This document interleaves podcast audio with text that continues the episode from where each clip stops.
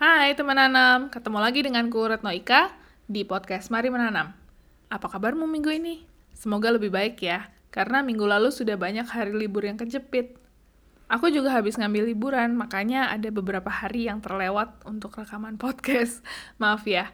Nah, waktu liburan kemarin ada seseorang yang mengirim email dan bertanya tentang apa yang harus disiapkan untuk berkebun di atap atau di balkon.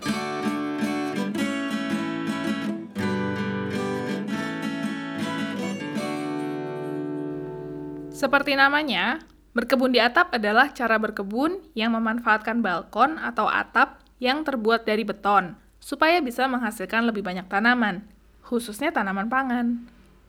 Untuk teman nanam yang punya balkon atau atap beton dan ingin mencoba berkebun di situ, memang sih kamu bisa meletakkan beberapa pot berisi tanah. Atau mungkin menaruh sistem tanam hidroponik berukuran kecil di balkon atau atap kamu. Tapi, Apakah balkon atau atap kamu sudah didesain untuk bisa digunakan sebagai tempat menanam? Karena sebenarnya ada beberapa hal yang sebaiknya kamu pahami untuk jadi bahan pertimbangan sebelum mulai bertanam di balkon atau atap beton. Yang pertama harus kamu ketahui adalah kekuatan struktur bangunan. Atap didesain untuk melindungi kepala kita dari apa pun yang bisa jatuh dari atas, bukan untuk ditambahi benda-benda berat yang beresiko menjatuhi kita. Tapi bukan berarti berkebun di atap tidak bisa dilakukan ya. Kamu harus memperhitungkan kapasitas muatan balkon yang dibagi menjadi dua, yaitu dead load capacity, yang berarti adalah barang-barang yang sudah ada di situ, dan juga peralatan yang digunakan untuk bertanam. Misalnya, seperti ta sistem tanam hidroponik, pot tanaman, tanah, atau atap kamu sendiri. Itu termasuk dead load capacity.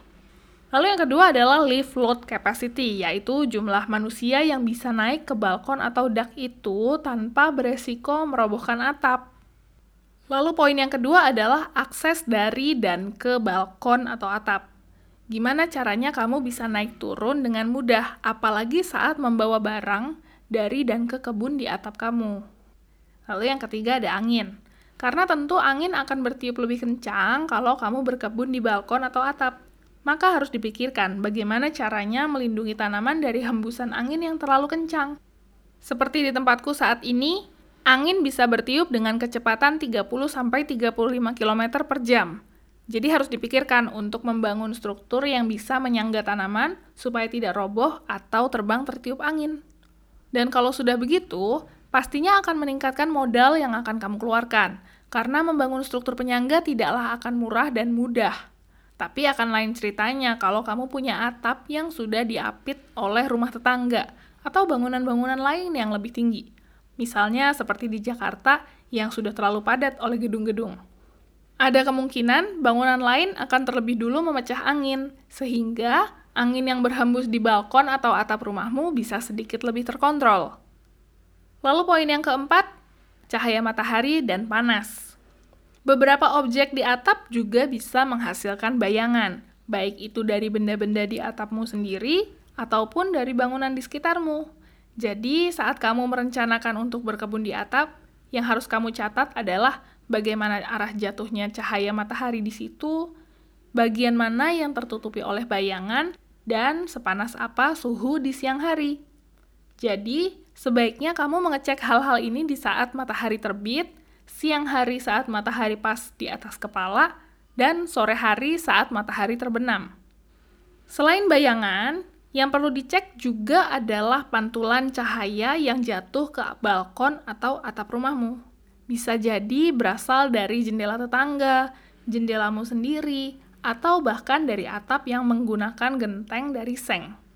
Ini akan berdampak pada tanamanmu, karena ada beberapa tanaman yang kalau mendapatkan cahaya matahari yang terlalu banyak, akan mengubah rasa ketika dimakan. Misalnya jadi lebih pahit. Kamu juga jadi mesti menyiapkan tirai atau naungan untuk melindungi tanaman-tanamanmu dari sinar matahari di saat terlalu terik. Suhu lokal di area rumahmu juga bisa sedikit lebih tinggi karena ada fenomena yang disebut dengan heat island effect atau efek pulau panas yang disebabkan oleh aspal hitam, tembok beton, dan berbagai struktur yang ada di perkotaan akan memanas dan menyimpan panas itu dalam waktu yang cukup lama. Tapi, untuk menurunkan suhunya pun perlu waktu yang sangat lama. Itu kenapa, walaupun sudah di malam hari, material-material keras ini masih terasa hangat. Nah, akan berbeda kondisinya jika berkebun di area rural, di mana tidak ada struktur permanen yang bisa menyimpan panas dalam waktu lama. Jadi lebih mudah mendinginkannya. Jadi, memang berkebun di balkon atau atap rumah membutuhkan perancangan yang lebih ekstrim. Karena memang kondisinya jauh berbeda dengan kalau menanam di tanah ataupun di daratan. Tapi bukan berarti tidak bisa dilakuin ya. Aku harap ada teman nanam yang setelah mendengarkan episode ini jadi lebih mantap untuk mencoba berkebun di atap dan bersedia untuk berbagi. Aku sendiri juga sekarang berkebun di balkon, karena memang tidak banyak lahan tersisa untuk berkebun di daratan di rumahku. Semoga bahasan kali ini bermanfaat untukmu ya. Sampai jumpa di episode lain. Dan yuk, mari menanam!